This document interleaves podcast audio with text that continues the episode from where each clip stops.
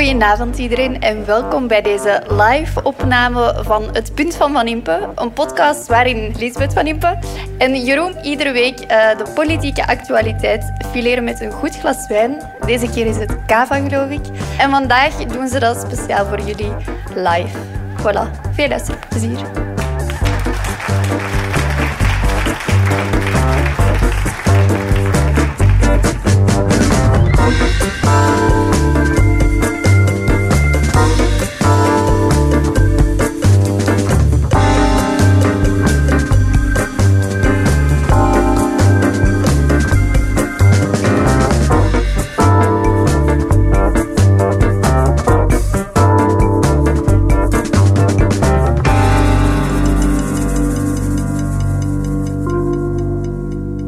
Goedenavond en uh, welkom voor deze speciale uitzending van het uh, Punt van Van Impe hier op het Standaard Podcast Festival in Oostende. Prachtige setting trouwens, met zicht op de zee en, Lisbeth, dat is nieuw voor ons, ook zicht op het publiek. Zicht op de mensen, dat zijn we niet gewoon. Hè? Dat zijn we totaal Intimideert het een beetje, Lisbeth?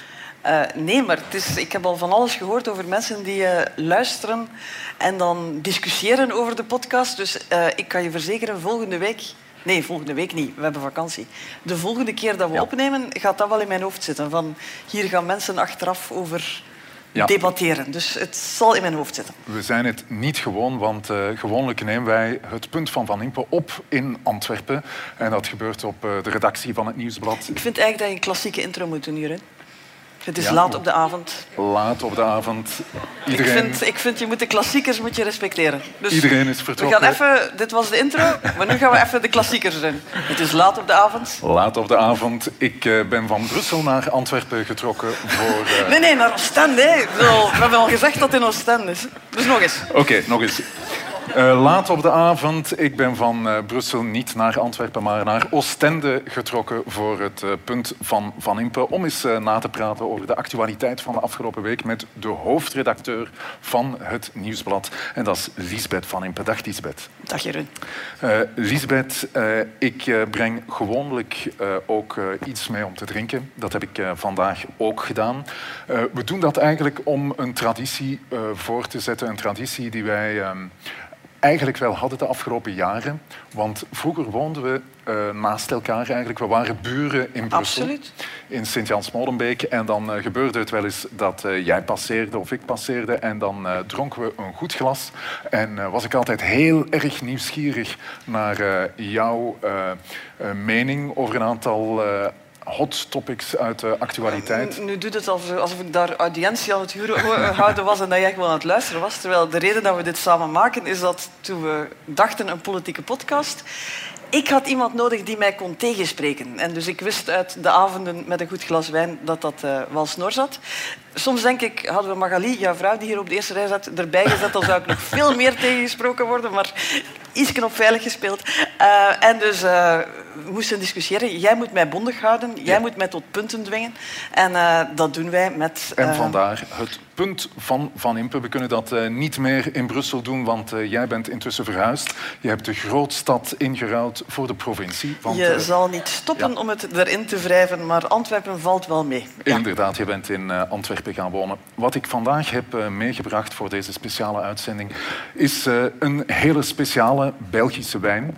Het is een mousserende wijn. Zoals je weet, uh, Lisbeth, zijn we daar in België absoluut top in, in het maken van mousserende wijn. Volgens de, weet ik dat, ja. de methode traditioneel die ze in de champagne gebruiken. Wij kunnen dat even goed, want we hebben ongeveer hetzelfde klimaat als in de champagne.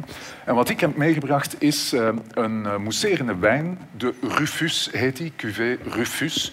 En die kreeg van de Vereniging voor Vlaamse Sommeliers een absolute topquotering. Dus dit uh, moet echt een hele goede zijn. Ik ga hetzelfde zeggen als wat ik elke week zeg. Het is lekker. Jeroen. Ja, school. Het is een uh, Chardonnay brut van de Vignoble des Agues uit de buurt van uh, Bergen in de provincie Henegouwen. Voilà, een crément de Wallonie. Dus veel vragen hebben binnengekregen, want dat was eh, de bedoeling vandaag, als we toch oog in oog komen te staan met ons eh, publiek, om ook de uitzending op te hangen aan de vragen van het eh, publiek. En we hebben er heel wat binnengekregen. Hè. En het viel vooral op, we hebben heel veel vragen binnengekregen, want het ging een beetje over van alles, maar heel veel vragen over de achterkant van de politiek, de achterkant van de politieke journalistiek en alles wat daarbij hoort, wat je eigenlijk doorgaans niet in de krant leest. Ja. Dus dan dachten we, we gaan geen klassieke punten maken. Maar we gaan het eens op een andere manier doen, dus we gaan het met de vragen doen.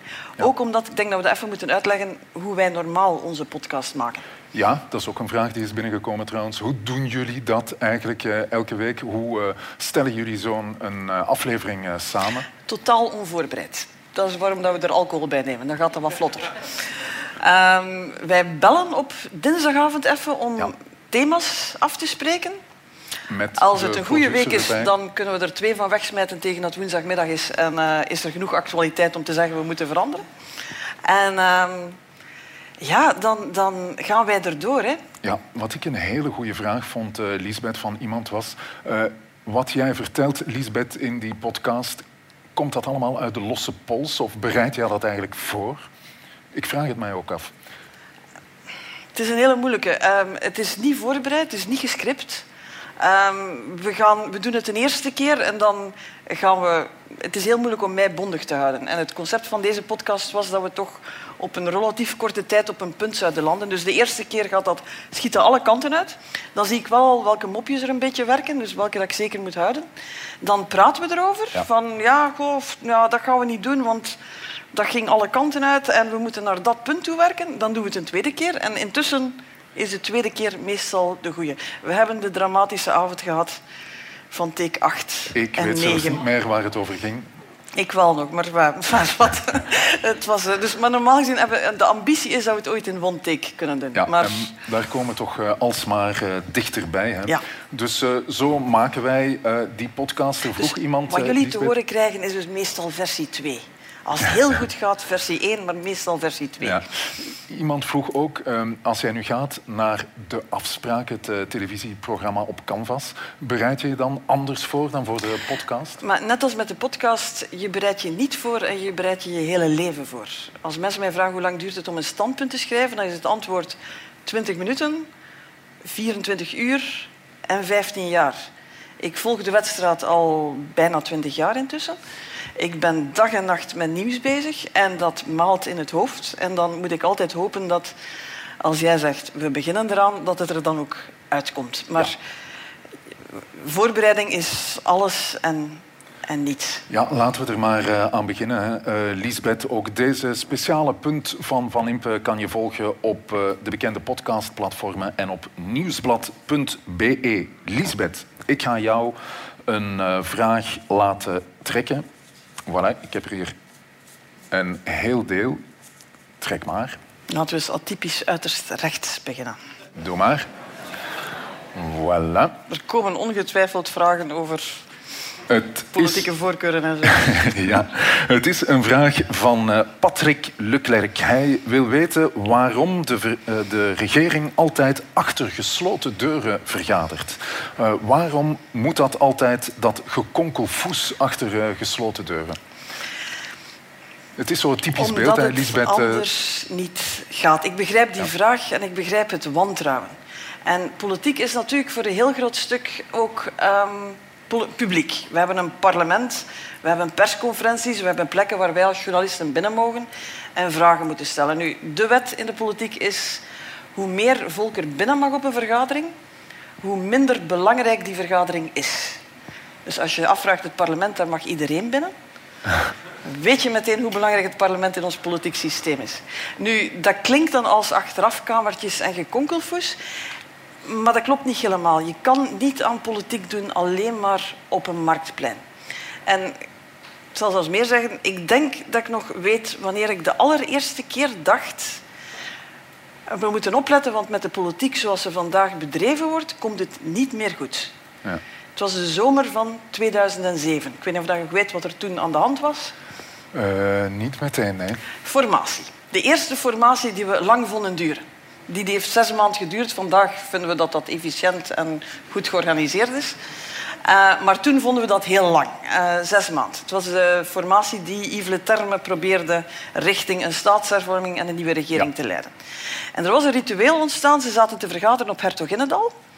En je kent die beelden van Hertoginnedal, lange oprijlaan en dan zie je daar zo dat kasteeltje liggen. En wij journalisten stonden aan de ingang. En ze hadden daar zo een, een, een draagbaar toilet gezet en een thermoskan koffie. Consequent. En wij gingen daar in de late namiddag staan. En wij waren de hele tijd onder elkaar aan het sms'en met de mensen die binnen zaten. En op een bepaald moment had je het dagelijks ritueel dat iedereen in de auto stapte, naar die poort kwam aangereden, stopte, raampjes naar beneden, commentaar. Er werd van alles gezegd. En degenen die een raampje niet naar beneden deden, die belden we achteraf en die vertelden nog meer. En dat was de formatie waarin we dingen te horen kregen van landsbelang, als Bart de Wever heeft weer alle marsrepen opgegeten. Karel de Gucht en Patrick de Waal hadden een discussie over wie de grootste whisky mocht hebben. Alle details over die onderhandelingen lagen op straat en ik weet dat ik toen dacht, dit, zo kan je geen regering vormen. Ja. Zo kom je niet meer uit. Want je zou het ook uh, transparantie uh, kunnen noemen. Hè? Uh, ja, wel. En toen duurde het zes maanden en hadden we nog geen regering. En de volgende keer hebben ze op dezelfde manier geprobeerd en duurde het meer dan een jaar. En ze blijven dat op dezelfde manier proberen en toen heeft het bijna twee jaar geduurd. Daar is een link tussen. Vroeger op Hertog had je één telefoon, die stond in de gang en als je dus wilde bellen om te lekken, dan moest je op die gang gaan bellen met risico dat een van je concurrenten passeerde omdat hij even naar het toilet ging of zo en dus hoorde dat je aan het lekken was. Nu zijn ze allemaal met een gsm aan het, aan het lekken en, en het komt niet meer goed. Uh, Jean-Luc Dehane was degene die zei van ik ben de kok, het is mijn keuken, ik zal er alles aan doen omdat je niet binnen geraakt. Ja. Lukt het jou als journalist toch?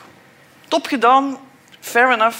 Uh, het is jullie job om te proberen binnen te geraken. Ja.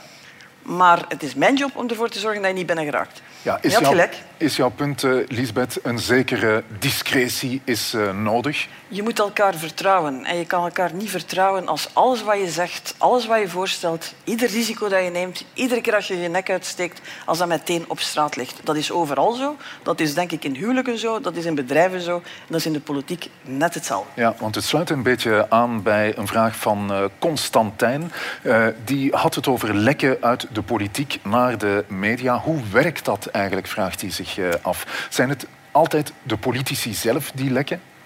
Uh, meestal wel, of hun medewerkers of hun woordvoerders. Um, uh, lekken is, is, de nationale sport in de wedstrijd. Ik, ik weet zelfs niet of dat nog het juiste woord is. Als je zegt mijn huis lekt, dan ga je ervan uit dat je hier en daar eens een emmertje moet zetten, omdat er af en toe iets binnenregent. Hier kun je afvragen of er eigenlijk nog wel een, een dak op het huis ligt. Ja, hè, want... ik, kan, ik, kan, me inbeelden dat uh, sommige politici meer geneigd zijn om te lekken dan anderen. Dat is ongetwijfeld zo. Um, de een lekt meer dan de ander, maar bijna alles komt uit. Soms krijg je van drie verschillende kanten. Um, iedereen lekt dat natuurlijk ook met zijn eigen details en zijn eigen duiding erbij, zullen we het maar noemen. Dus, uh, maar maar ik, ik, ik vind het fantastisch als ik met journalisten... Ik heb er zo een paar zitten die ik zo hoor bellen. Die zeggen van, oh nee, nee, je moet mij niet sturen, ik heb de nota al. En dan uh, gebeurt het heel af en toe dat een minister zegt van... Uh, kunt je die eens doorsturen? We hebben die nog niet gekregen. dan, uh, ja, dan denk ik, oké, okay, dat is eigenlijk goed bezig. Ja. Dat is, uh, maar, maar het, lekken is, is, het lekken is strategisch. Hè. Bedoel, je lekt ja. om iets van tafel te halen, je lekt om een ander te beschadigen. Ja. Het is van alle tijden, maar het is wel heel erg geworden. Zijn er eh, partijen waar het minder gebeurt, waar de, de discipline nu eenmaal strakker is dan in andere partijen?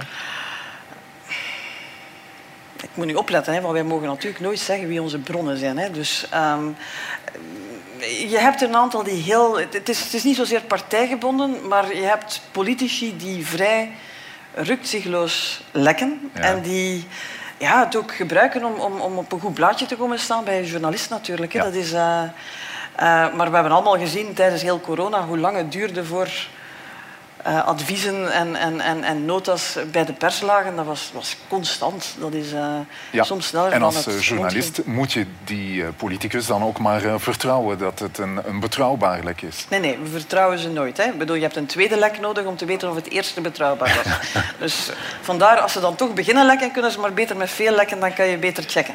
Dus vandaar een warme oproep aan iedereen om vooral te blijven lekken. Dat is... Oké, okay, Lisbeth, ik ga je nog een vraag deze hebben gehad. Voilà. een vraag laten Zullen we trekken. centrum gaan? Dat is een keer iets Doe anders. Ik weet Dank niet staat. Wie, Lisbeth, het is een eh, korte vraag en dat zijn eh, meestal de beste. hè. Ehm, wie is de lastigste politicus die je ooit hebt geïnterviewd? Oeh. Oeh, dat is moeilijk. De laatste jaren interview ik zelf niet veel meer. Ja. Het is ook niet mijn favoriete genre, moet ik zeggen. Ik was meer voor de voorbabbel en de nababbel. Zo voor een interview en na een interview. Als het bandje niet meer aanstaat, dat vind ik altijd leuker dan het interview zelf. Ehm, een paar mensen komen... Jean-Luc Dehane was lastig, omdat je... Die mensen zei veel en dan tik je het bandje uit en dan merk je dat hij geen enkele zin en geen enkele redenering eigenlijk echt afgemaakt had. Ja. Dus je kreeg iedere keer de helft. En dan, als je dan uitschreef, dan probeer je zo te begrijpen wat hij wilde zeggen. Je schreef dat uit en dan las hij het na en zei hij... Perfect, helemaal like dat ik het gezegd heb. Ehm Guy Verhofstadt was een, een, een oester. Ik bedoel, zijn regering kon in brand staan. Eh, er konden ministers uit de ramen springen. En je zei aan eh, Verhofstadt van... eh, ja, ehm, hoe ga je deze crisis oplossen? En dan zei hij altijd... de crisis? Eh, welke crisis? Eh, dus dat was het licht van de zon ontkennen. ehm. en dan heb je veel politici, moet ik zeggen, waar je buiten komt en denkt van man, ze hebben veel gezegd. En dan tik je het bandje uit en dan zit je zo naar zinnen te luisteren die zo op elkaar gestapeld zijn en waar je denkt van maar die heeft nu echt niks gezegd. Ik weet niet wat ik hiermee moet doen. Daar zijn er helaas te veel van. Ja. Dat is, eh, Ik heb één keer gehad, Karel de Gucht heeft één keer tijdens het interview, omdat ik te ambetant deed, een paar keer gedreigd dat hij security kon bellen om mij van op de vijfde verdieping naar beneden te smijten. ik ben er voor de veiligheid van uitgegaan dat het voor te lachen was, maar ehm, ik heb mijn rugdekking toen wel verzorgd. Maar Ja. ik ben blijven doorvragen, dat wel. Je Dat was te leuk. Je hebt het nu gehad over eh, Karel de Gucht, over eh, De Haan, over Hofstad, twee eh, ex-eerste ministers. Als je kijkt naar het huidige politieke landschap, de huidige regeringen, wie zijn daar zo de lastige mensen om te Nee, interviewen? die interview ik meestal niet meer. Ik ga daar zo af en toe eens mee gaan eten. Ja. En dan zijn ze minder lastig. Nee, dat is niet waar. Ze zijn dan soms even lastig. Ehm, ja, enfin, iedereen weet dat eh, Bart de Wever, als hij wil, een zeer lastige klant kan zijn. Ehm, als hij niet wil, kan dat meevallen. Maar het valt meer... hij doet vaker lastig dan dat hij niet lastig doet. Nee, ja, dus ik, ik doe het niet zo vaak meer. Daar zou nu eigenlijk aan mijn, ja, daar zou nu een van onze jonge collega's moeten Ja. bij hebben zitten. Die zou kunnen zeggen wie er in de huidige regering de lastigste zijn. Ja, dat vond ik eh, trouwens ook een goede vraag, eh, Lisbeth, die we binnenkregen. Ehm, ook een korte en duidelijke vraag. Eh, wat is jouw rol eigenlijk op de redactie? Want je zegt interviewen doe ik niet meer, maar je bent hoofdredacteur. Betekent dat dat alles wat er gebeurt in, de, in het nieuwsblad, dat dat passeert via jou? Nee. Dat is een vraag die we vaak krijgen. Hè. Eh, Pascal hij staat in de zaal anoniem te wezen, want dat is eh, hoe hij het liefst eh, opduikt in het, in het publiek. We zijn met twee hoofdredacteurs. Wij zien veel van wat er op de redactie gebeurt, maar ik krijg soms de vraag: heb je alles gezien wat in de krant staat voor het gepubliceerd wordt? Heb je alles nagelezen? Eh, nee, het kan ook niet meer. Wij, wij maken niet alleen een krant, wij schrijven ook een site en een app vol. Eh, er worden de hele dag door stukken gemaakt, die worden op social media gezet. Je kan echt niet alles gezien hebben. We zijn natuurlijk wel verantwoordelijk voor alles, maar ehm, we kunnen niet alles gezien hebben. Dus wij zijn een groot deel van de tijd bezig met de krant te managen. Eh, 180 mensen op de redactie, dat is altijd iets. Ehm, er is altijd ergens wel een probleem. Wij zijn bezig met hoe de krant digitaal moet ehm, evolueren, hoe we ons daar moeten op organiseren. Eh, wij moeten zorgen dat we de kosten onder controle houden, Ja. dat soort dingen. En daarnaast schrijf ik stukken en maak ik podcasts en zit Pascal op de vergaderingen, dus dat werk verdelen we een beetje. Ja, is dat zo wat de verdeling tussen jullie twee?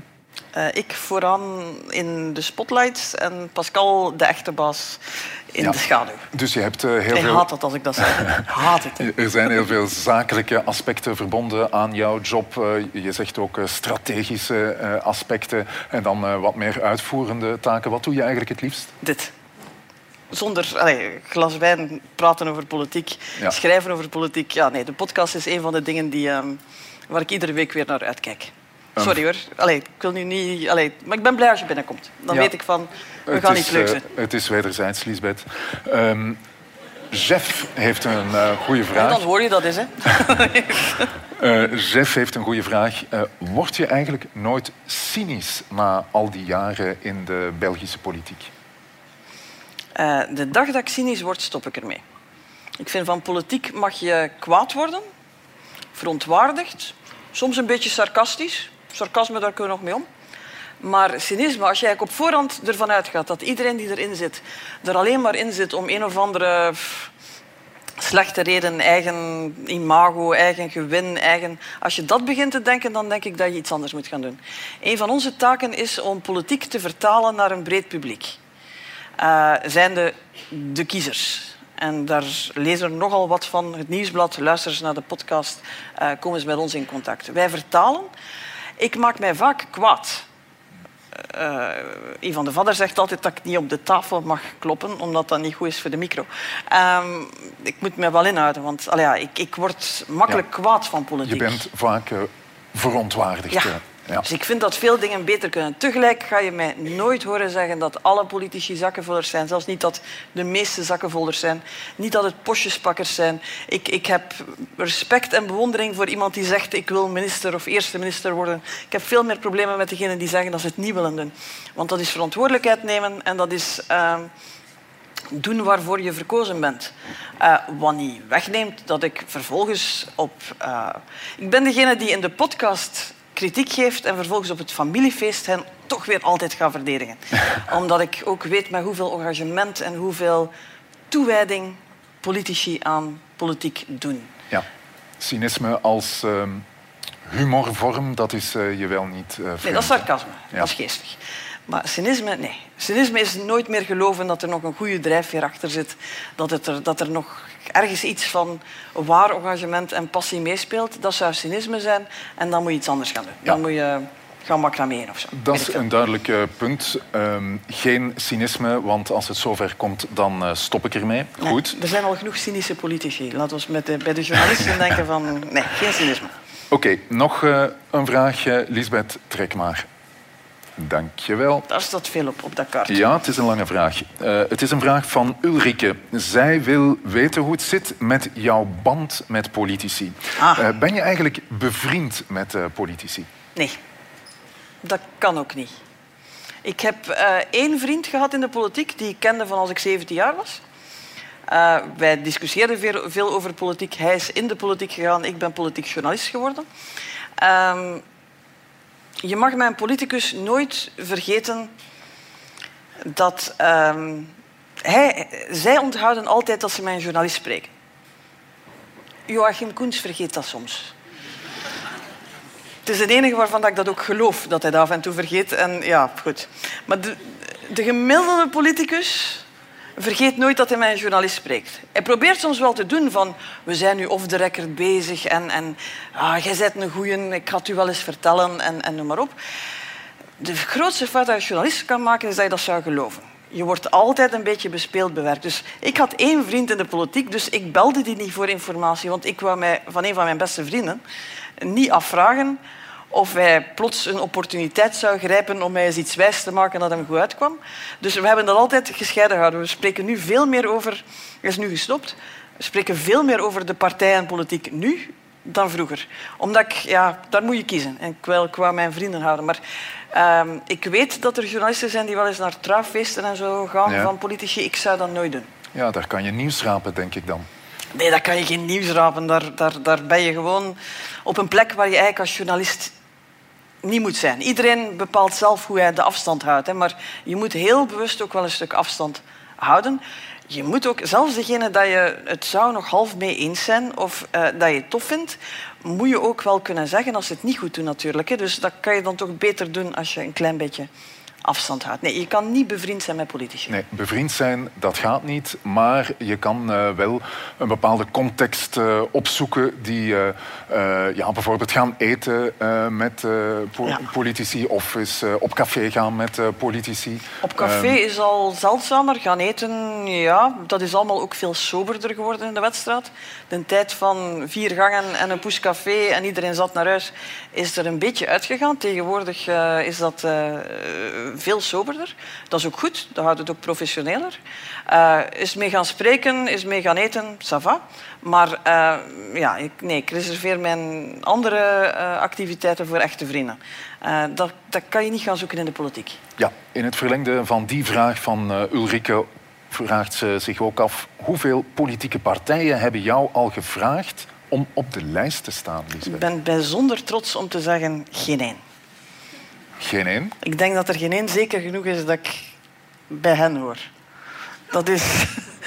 dat wil ik graag zo houden. Ja. Ik heb een beetje een regel, dus ik kijk wel eens... ehm, je maakt mensen kwaad als je politiek journalist bent of als je commentaren schrijft.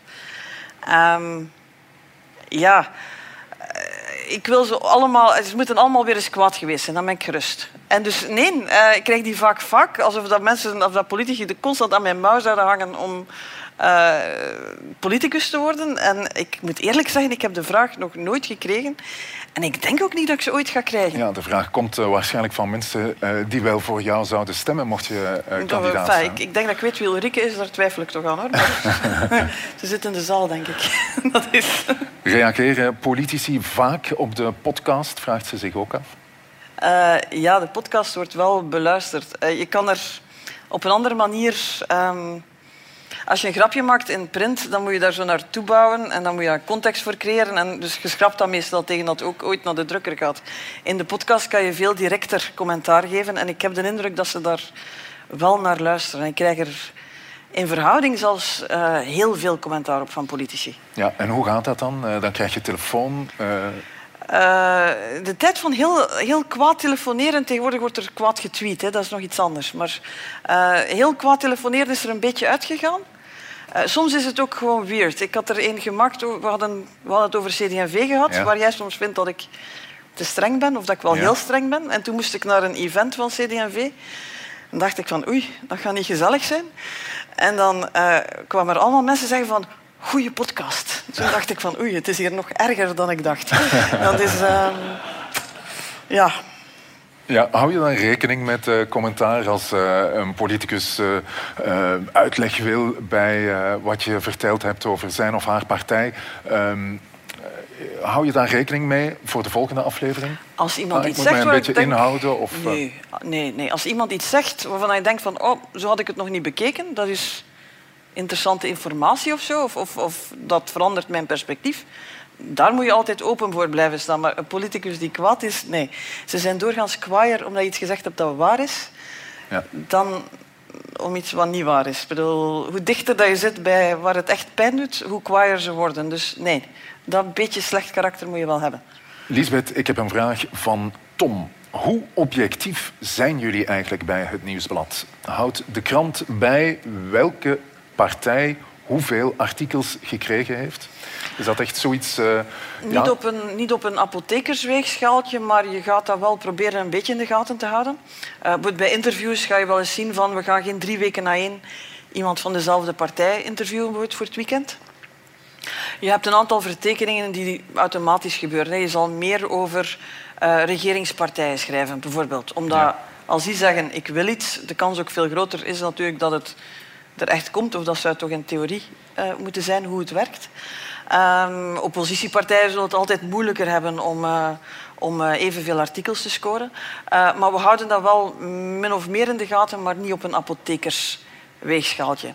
Nu, objectiviteit betekent voor mij, voor een politieke journalist, dat je open kijkt naar de, de, de issues die er zijn. Dat je probeert zoveel mogelijk informatie te verzamelen. Wij zijn de hele tijd aan het schrijven over vergaderingen waar we zelf niet bij zijn. En waar iedereen die rond de tafel zit, buiten komt en zijn eigen gekleurde versie heeft van wat er gebeurd is. Ja. Ik weet nog, als ik op partijbureaus rondbelde, dan kon je van iemand... Iemand zei dan van, ja, er was een zeer interessante tussenkomst over het onderwijs. En dan hoorde je van iemand anders dat dat dus zijn eigen tussenkomst was, hè, die hij zo probeerde in de krant te krijgen. Politici op dat vlak zijn schaamteloos. Hè, maar, ehm, dus wij proberen zoveel mogelijk perspectieven, zoveel mogelijk puzzelstukjes te verzamelen. En die gaan we gaan, gaan, gaan, gaan vertellen. Het is niet geurloos, kleurloos en smaakloos zijn. Ja. Dat is niet hetzelfde als objectiviteit. Dus jouw punt is, eh, we zoeken inderdaad wel een evenwicht tussen de verschillende partijen en de verschillende kleuren. Al hebben partijen die in een regering zitten vanwege impactvolle beslissingen daar natuurlijk eh, een, En- een en- overgewicht. ja, en, en een individueel parlementslid kan in de krant komen met een, met een, een voorstel dat ergens resoneert. Als dat iets onnozels is, dan zal dat moeilijker worden. Hè. Dus eh, je hebt ook gewoon de inhoudelijke keuzes die je maakt. Hè. Dus dat is... Uh, ja. Nu, ik, ik, krijg vaak de vraag hoe kan je als politiek journalist je eigen politieke voorkeur niet laten doorschemeren. Uh, en dat lijkt heel moeilijk. Dat is het niet. Eén, ik heb geen partij... Stemmen is vreselijk. Ik sta een kwartier in dat te twijfelen, want partijpolitiek heb je voor alles van dichtbij gezien en, en je kan onmogelijk partizaan zijn. En ik zeg altijd aan mijn journalisten, uh, je eigen politieke voorkeur die gaan we op de redactie wel uitfilteren. politieke journalisten moeten veel met elkaar praten, veel met elkaar discussiëren, veel met hun chefen. En als er daarin is die plots denkt dat hij voor een politicus of een partij gaat rijden, dan zal die door de redactie daar doorgaans wel op gecorrigeerd worden. Wat veel gevaarlijker is voor een politieke journalist, is zijn eigen ijdelheid. En politici weten dat. Het, ik ga het eens aan u vertellen, want jij bent een goeie, jij begrijpt dat. Je moet het... Uh, je moet dat nu niet in de krant zetten, maar hoe dat het eigenlijk zit. En, en ik vertel dat alleen aan u, want ik vertrouw u. Ik zeg altijd, zeg mij niks dat ik niet uiteindelijk in de krant mag gebruiken. Ik bedoel, ik wil niet iets dat in mijn hoofd zit, dat ik niet op een of andere manier kan checken en dat toch zou kleuren hoe ik naar de dingen kijk. Maar dus ijdelheid werkt ongelooflijk goed bij journalisten. Je zou het niet zeggen, hè? niemand ziet dat komen, hè? dat ijdelheid goed werkt bij journalisten. Maar het gevoel van, ik weet dat, ze vertellen dat tegen mij, ze vinden mij een goeie, ze vertrouwen mij. Je moet er hard tegen vechten om dat niet te laten overheersen in je hoofd. Dus uh, je hebt ja, goed schild daar tegen nodig en een beetje slecht karakter om te denken van, ja, ik ga toch... Uh... Maar zeg je nu, Lisbeth, dat je zelf geen politieke overtuiging hebt? Tuurlijk heb ik een politieke overtuiging. Is er iemand in de zaal die daaraan twijfelt? Dit zijn luisteraars, hè? En... ik kijk naar de maatschappij, ik kijk naar politiek vanuit een, een, een... Ik denk dat je luistert, dat je gaat zien dat ik bepaalde dingen belangrijker vind dan andere. Maar dat is iets anders dan een partijpolitieke aanhorigheid. Ja. Of het idee dat uh, ieder issue op voorhand dat ik van ieder issue op voorhand al weet wat ik ervan zou gaan denken. Je moet iedere keer op, opnieuw op zoek gaan naar informatie, open geest houden, de vragen stellen, de informatie verzamelen. Ja. Maar natuurlijk heeft iedereen een politieke overtuiging. Je hebt een politieke overtuiging, maar die komt niet noodzakelijk overeen met een partij. Wat dat betreft eh, ben je in je eigen stemkeuze flexibel. Is het dat Waanzinnig flexibel. En zeer twijfelend. Ja. Stemmen, hoe langer ik politiek journalist ben, hoe moeilijker ik, vind, ik, ik, ik het vind om te gaan stemmen. Dus je stemt voor verschillende partijen? Als je nu dacht dat ik ging zeggen welke, dan ken je me minder goed dan, dat ik, dan, ik, dan ik dacht. Nee, nee. Ja, jouw punt is duidelijk. Uh, ijdelheid is de grootste vijand van uh, de journalist. Absoluut. Groter dan uh, zijn of haar politieke overtuiging. Een vraag van Wannes de Beukelaar. En die begint geweldig. Uh, ik ben een enorme fan van het punt van Van Impe. Lisbeth. en luister dan ook wekelijks. Uh, ik vroeg me af hoe mevrouw Van Impe heeft gereageerd op uh, de controverse die er zaterdag, afgelopen zaterdag, is uh, ontstaan op Twitter over het artikel Zijn deze beschadigde imago's nog te redden? Het uh, was een artikel voor alle duidelijkheid over uh, reputatie. Een uh, interview met een reputatiecoach, Jeroen Wils. Die behandelde een aantal cases in de krant. En een van de cases was minister van Energie Van der Straten. en op de foto die ehm, bij de verwijzing naar het artikel verscheen op social media... werd Van der Straten in het hetzelfde rijtje geplaatst als uh, Bart de Pauw, als uh, Mark Overmars. Uh, Tine van der Straten noemde dat zelf uh, grensoverschrijdende journalistiek. Lisbeth. Ja. Goed, ik heb even getwijfeld, want maar ik wil er graag op antwoorden, want het was effectief het was, het was heftig. Uh, Twitter uh, kookte even over, dus dat betekent dat uh, mensen die op Twitter zaten het waarschijnlijk gezien hebben en het overgrote deel van de mensen nu denkt van welke rel, ik heb er niks van gemerkt. Dat is het probleem met Twitter. Um, het gebeurt nog, hè, dus vandaag is, is, is, Twitter het medium waarover politiek gediscussieerd wordt. Vaak door politici, zeer partisaan, voor- en tegenstander, met de nodige portie toxiciteit. Um, ik heb één regel, ik, ik discussieer niet op Twitter. Um, ik heb er een haat-liefde verhouding mee. Ik zit veel op Twitter, maar ik discussieer er niet om de eenvoudige reden dat je... Het is, het is een serieus tijdsintensieve hobby. Je moet op alles reageren of op niks reageren. En op alles reageren, ja, ik krijg dan niet verzoend met een, een acuut besef van de eindigheid van het bestaan. Om iedere moment van de dag. Ik, ik, ik heb al genoeg meningen, vind ik, eh, op weekbasis. Ik kan er echt geen 720 per dag hebben. Ik kan ook niet alles zo erg vinden. Wat gebeurt er nu als er een, een Twitter-rel ontstaat, zoals in dit geval? Het eerste wat ik altijd doe, is naar het oorspronkelijke stuk gaan kijken. Want iedereen die op Twitter zet, kent de discussies van ik heb het stuk niet gelezen, maar ik vind er toch iets over. Uh, dus ik begin met te kijken naar het stuk zelf. Ik vond het stuk zelf zag ik eigenlijk geen, geen groot probleem. We hadden je noemt uh, de uh, commotie rond Antwerpen en Overmars. Ehm, Bart de Pauw, maar evengoed Veerle Heren die voorgestoken had in het vaccinatiecentrum. En Peter van de Verre die um, verkeerde foto's verkeerd rondgestuurd had. ook niet bepaald strafbare feiten. Het leek mij vrij duidelijk dat dit heel verschillende cases ja. waren. En de evaluatie van specifiek Tine van der Straten leek mij heel fair, correct en zelfs behoorlijk vriendelijk. Dus het oorspronkelijke stuk dacht ik, hier is weinig uh, verkeerd mee. Stilaan beginnen we op de redactie te discussiëren of hij dan gewoon op Twitter niet dat stuk achter de betaalmuur moet halen, dat gewoon gratis op Twitter moet zetten. Misschien is dan de discussie sneller geëindigd. Dan had je de Facebook-post, waar die foto's naast elkaar zaten. En daar vond ik, we hadden dat niet helemaal gelukkig verwoord. Ik vond dat we daar meer hadden moeten duidelijk maken wat nu juist de link was tussen die mensen. Uh, een andere titel hadden moeten opzetten dan in de krant, waar je altijd toch een ander soort context hebt. Dus wat hebben we gedaan? We hebben die Facebook-post aangepast. Tegen dat de Twitter-discussie losbarstte, was die post al lang weg. Ja. Maar goed, daar is screenshot voor uitgevonden. Er speelt bij mij wel nog iets anders, want ik maak me daar wel zorgen over. Um, ik zie het soms. Je kan als hoofdredacteur dan zeggen, we hebben een fout gemaakt. Mea culpa. We hebben het aangepast. Ik ben niet alleen hoofdredacteur en verantwoordelijk voor wat daar staat, ik ben ook de baas van 180 mensen. Die soms een fout maken, soms een kleine fout maken, soms een grote fout maken, heel vaak ook helemaal geen fout maken en toch een Twitterstorm veroorzaken. Wij bespreken dat op de redactie. Ik wil niet dat een van mijn mensen op Twitter op mijn Twitterfeed moet gaan lezen dat hij een fout gemaakt heeft. Ik vind dat geen manier om met, met, met mensen om te gaan. Dus ik blijf mij verzetten bij het idee dat we ook voor kleine foutjes dat allemaal daar moeten gaan uitdiscussiëren voor iedereen die daar blijkbaar een hele zaterdag voor over heeft.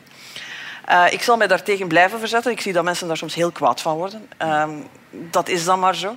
We hebben dat op de redactie besproken. We hebben de zaterdag de post al aangepast. Ik vond de, de, de, de fout niet van die orde dat we daar plots moesten uh, een, een, een, publiek gegeven van maken. Het is zoeken vandaag. We maken soms fouten. Iedereen die kranten maakt, maakt regelmatig fouten.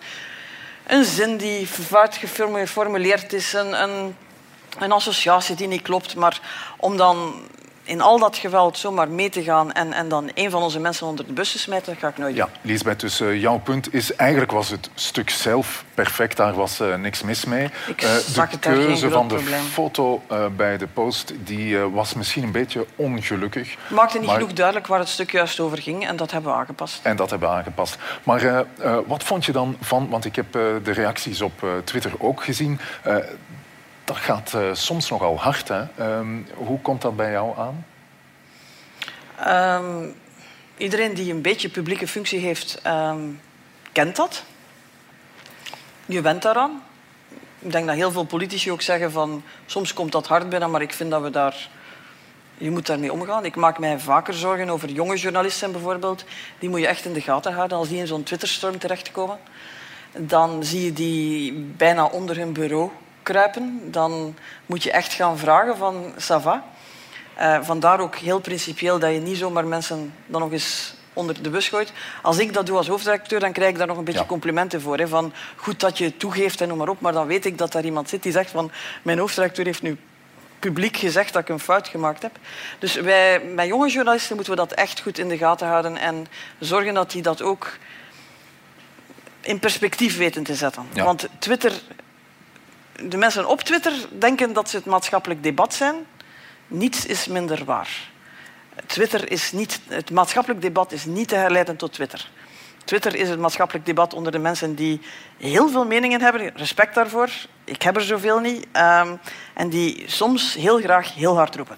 Ja, uh, over social media kwamen er nog wel uh, vragen binnen, uh, Lisbeth. Iemand stuurt een foto van Bart de Wever in de supermarkt, waarbij Bart de Wever meldt dat hij het altijd lastig heeft met winkelen moeilijk kan kiezen in de winkel of in de supermarkt en altijd in de verkeerde rayon zit.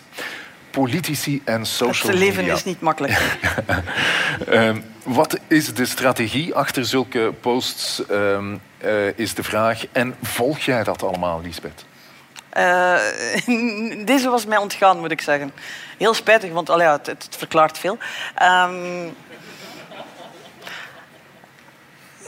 ja, je voelt politici, ik denk ook niet dat ze echt een keuze hebben. Hè. Ze moeten mee. Hè. Dus ze moeten meningen hebben op Twitter, ze moeten fijne foto's hebben op Instagram. Uh, ik vrees dat ze intussen ook al dingen op TikTok aan het doen zijn en ik vrees dat we daar het einde nog niet van gezien hebben. Um, het, het, hoort er vandaag bij.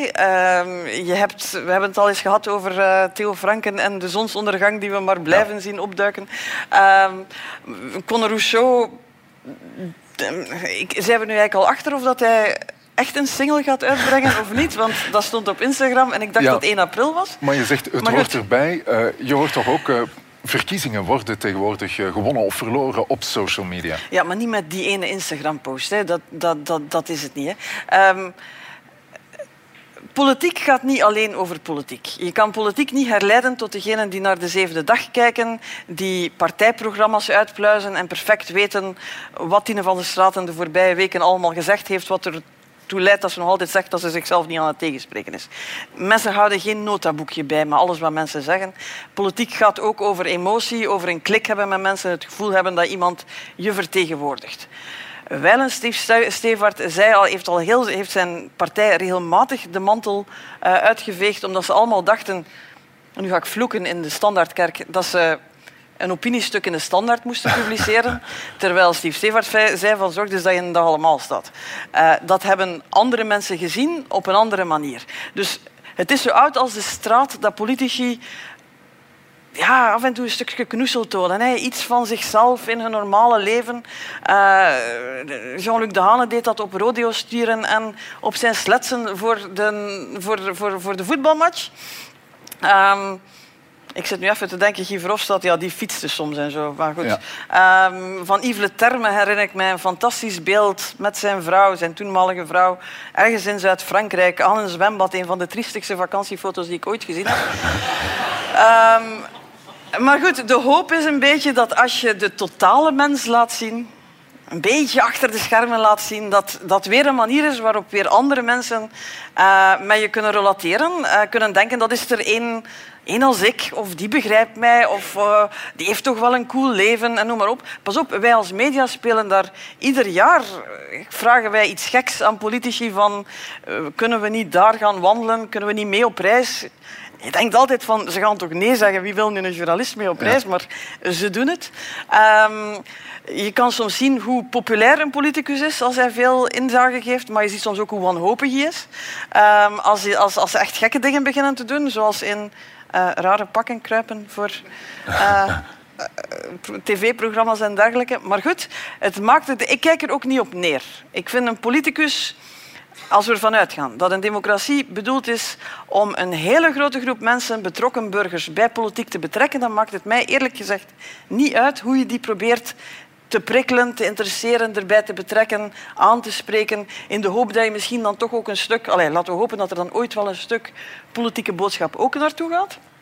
Dus persoonlijkheid is niet onbelangrijk, maar ja, af en toe, zeker de, de, permanente druk van sociale media, waar je dus, als je dus de weg even kwijt bent in de lokale de lijzen, denkt van dat is een excellente Facebook-post, uh, Instagram-post. Ja, ik zou het niet willen doen, eerlijk gezegd.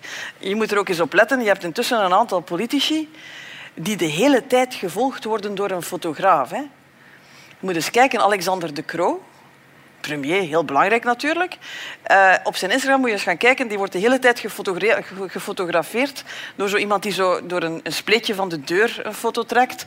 Of zo op een contemplatief momentje een foto trekt. Het zijn zo'n beetje Kennedy-eske foto's zo, van de premier denkt na. De premier leest een nota.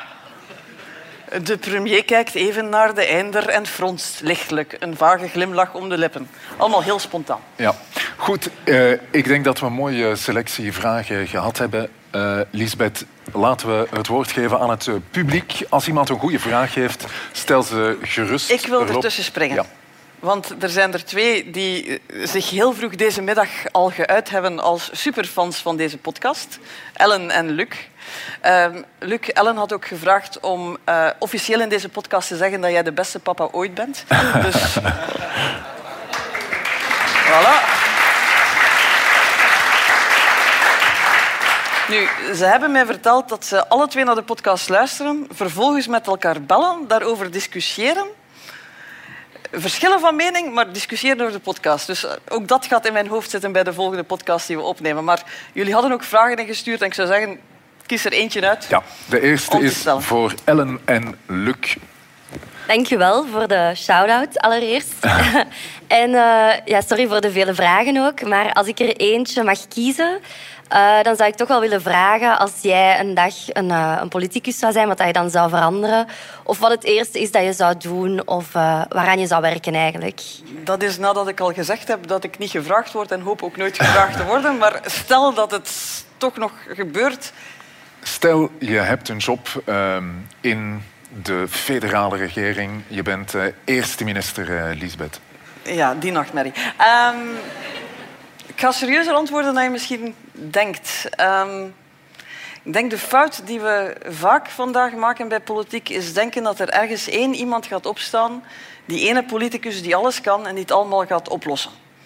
En iedere keer dat we, dat we weer denken dat we er één gevonden hebben, duurt het even, maar we zien dan weer dat wat vandaag fout gaat in de politiek, en daar gaan we het alle volgende podcasts weer over hebben, valt niet door één iemand op te lossen. Dus ook ik heb geen magische oplossing. Maar uh, gsm's niet mee aan de onderhandelingstafel. Daarmee zou ik wel beginnen.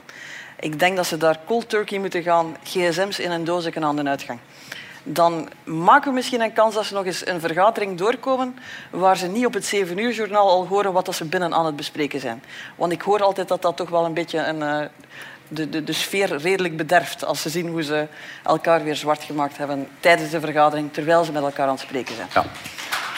Geen telefoon aan tafel. Mocht, mocht daarmee alles opgelost zijn, dan wil ik morgen premier worden. Maar ik vrees dat het, dat het lastiger dan dat is. Ja. Je kunt het altijd proberen.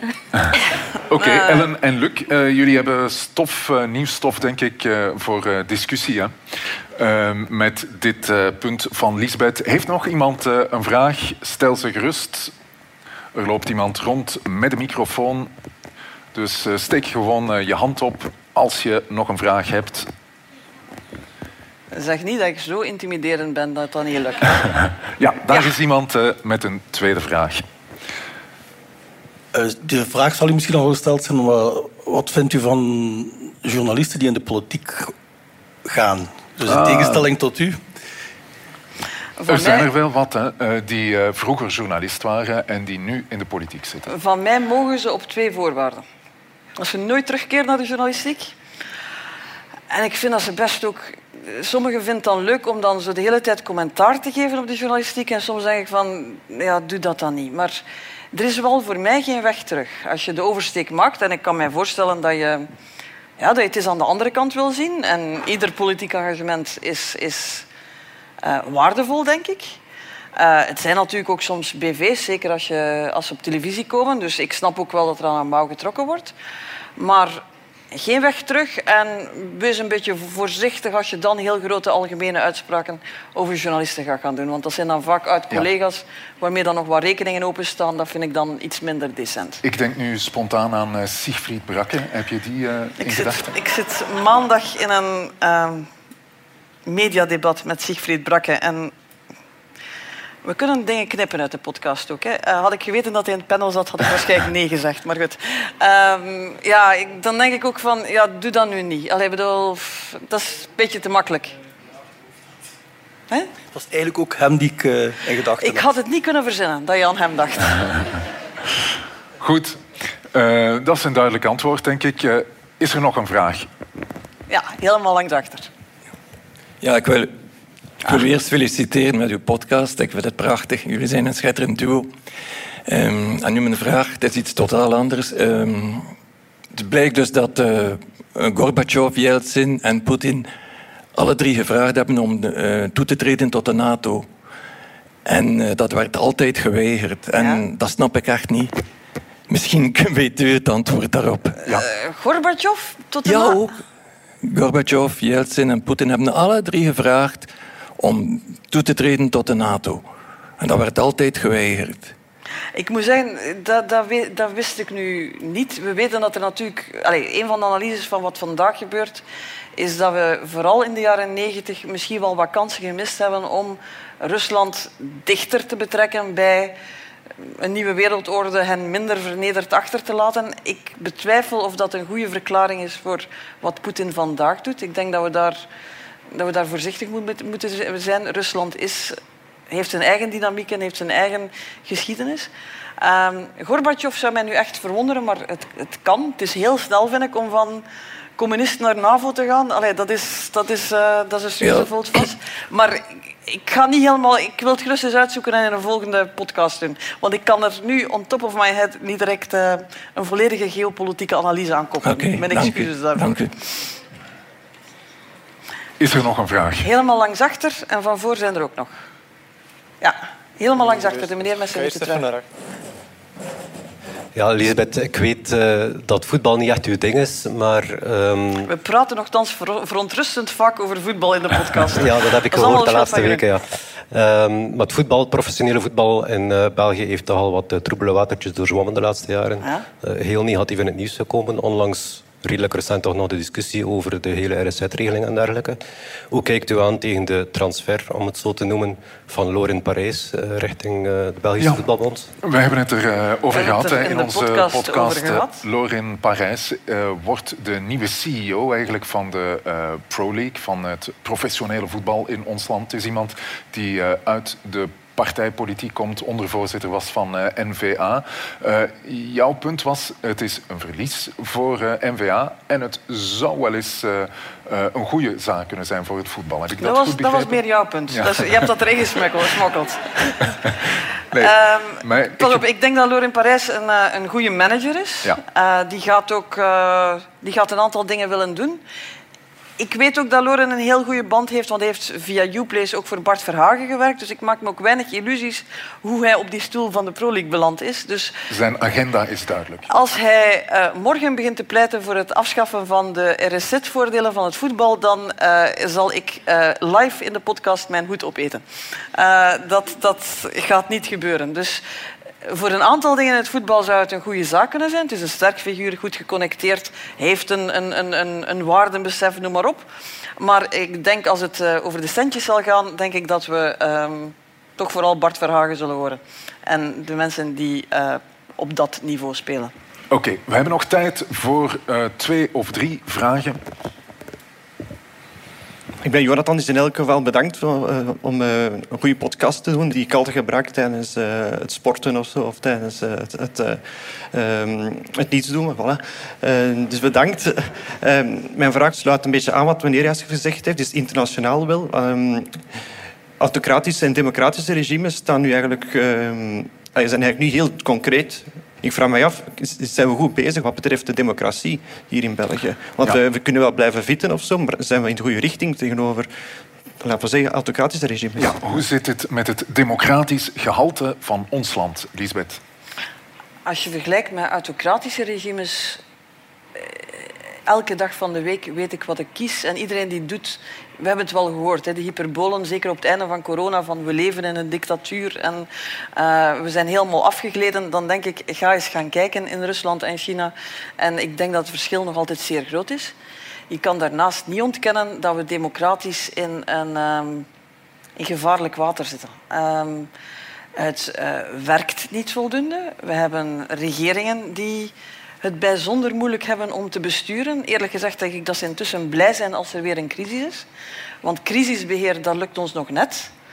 Uh, alles wat meer lange termijn is, meer durf vraagt, uh, meer nek uitsteken, meer compromis vraagt ook tussen partijen, daar lopen we hopeloos uh, in vast. Um, en ik krijg af en toe de vraag van hoe vernieuw je dat systeem? Hoe, hoe zorg je ervoor dat partijen minder zwaar kunnen wegen, we terug naar scherpe standpunten, maar ook goede compromissen gaan. En ik, ik kan vandaag alleen zeggen, zeggen dat ik mij zorgen maak. Opnieuw geen cynisme, maar zorgen. Um, omdat je het gevoel hebt dat het zich zou kunnen vastrijden. En dan weet je niet wat er vervolgens gebeurt. Maar we zijn nog heel ver verwijderd van autocratische regimes. Hè. Ik geloof nog altijd wel in het zelfreinigend vermogen van een democratie. Maar dat we op een gevaarlijk punt aan het komen zijn, waar ook te veel mensen hun geloof verliezen. En ik heb het gevoel dat politici het ook weten. Als ik er passeer te vaak vandaag, krijg ik een soort van niet meer het cynisme van, van een verhaaltje dat, dat ze zelf weten dat niet klopt en als ze je toch proberen wijs te maken. Steeds vaker zie ik een soort van gelatenheid, het zelf niet meer weten, zelfs letterlijk vragen van wat moeten we doen? En dan hoop je nog altijd dat het antwoord probeer eens een beetje treffelijk te besturen gedurende een paar jaar. En misschien wat buiten de lijntjes zorgen dat je echt kan zeggen van dit hebben we gedaan. Geloof ik dan dat alle kiezers die de rug toegekeerd hebben om mas gaan terugkomen? Nee, dat geloof ik niet. Maar als het daar niet begint, dan zou ik niet weten waar je als politiek, politiek zou kunnen beginnen. Het antwoord kan toch niet zijn dat we allemaal aan de Masked Singer moeten gaan meedoen. Dat kan het antwoord niet zijn. Dus het zal toch van bestuur, antwoorden op problemen, reële oplossingen moeten komen. En daar zijn we nog niet. En de klok tikt wel een beetje. Dus laat ons de dingen goed uiteenhouden. We zijn geen autocratie, maar we zijn wel een democratie die het lastig heeft om de brede bevolking ervan overtuigen, te overtuigen dat we goed bezig zijn. Dat ja. wel. Is dat een goed antwoord, uh, Jonathan, op jouw vraag? Geen vrolijk antwoord, hè? Oké.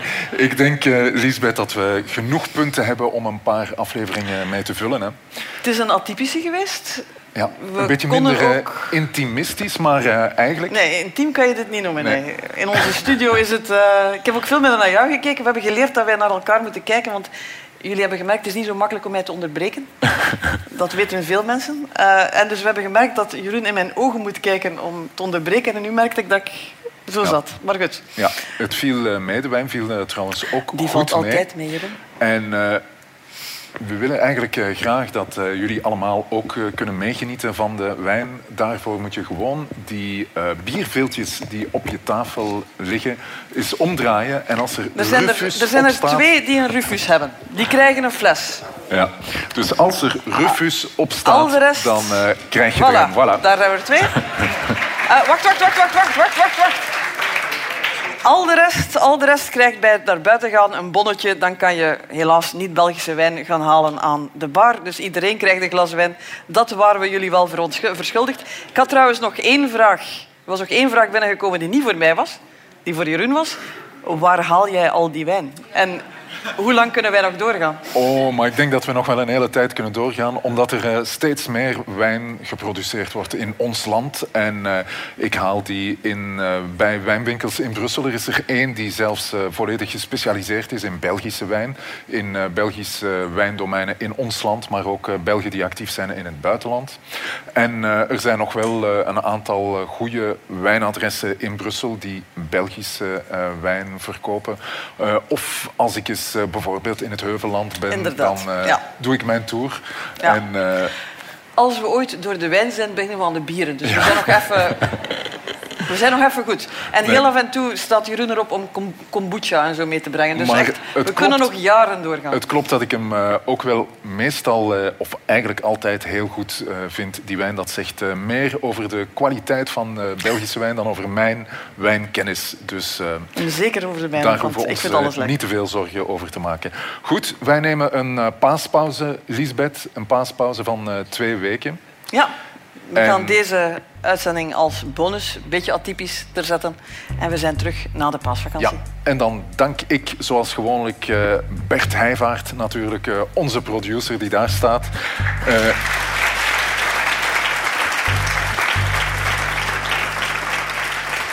Ik dank ook Eva Michom, ik dank Pieter Schevers en Pieter Santens van House of Media. En tot het volgende punt van Van Impe.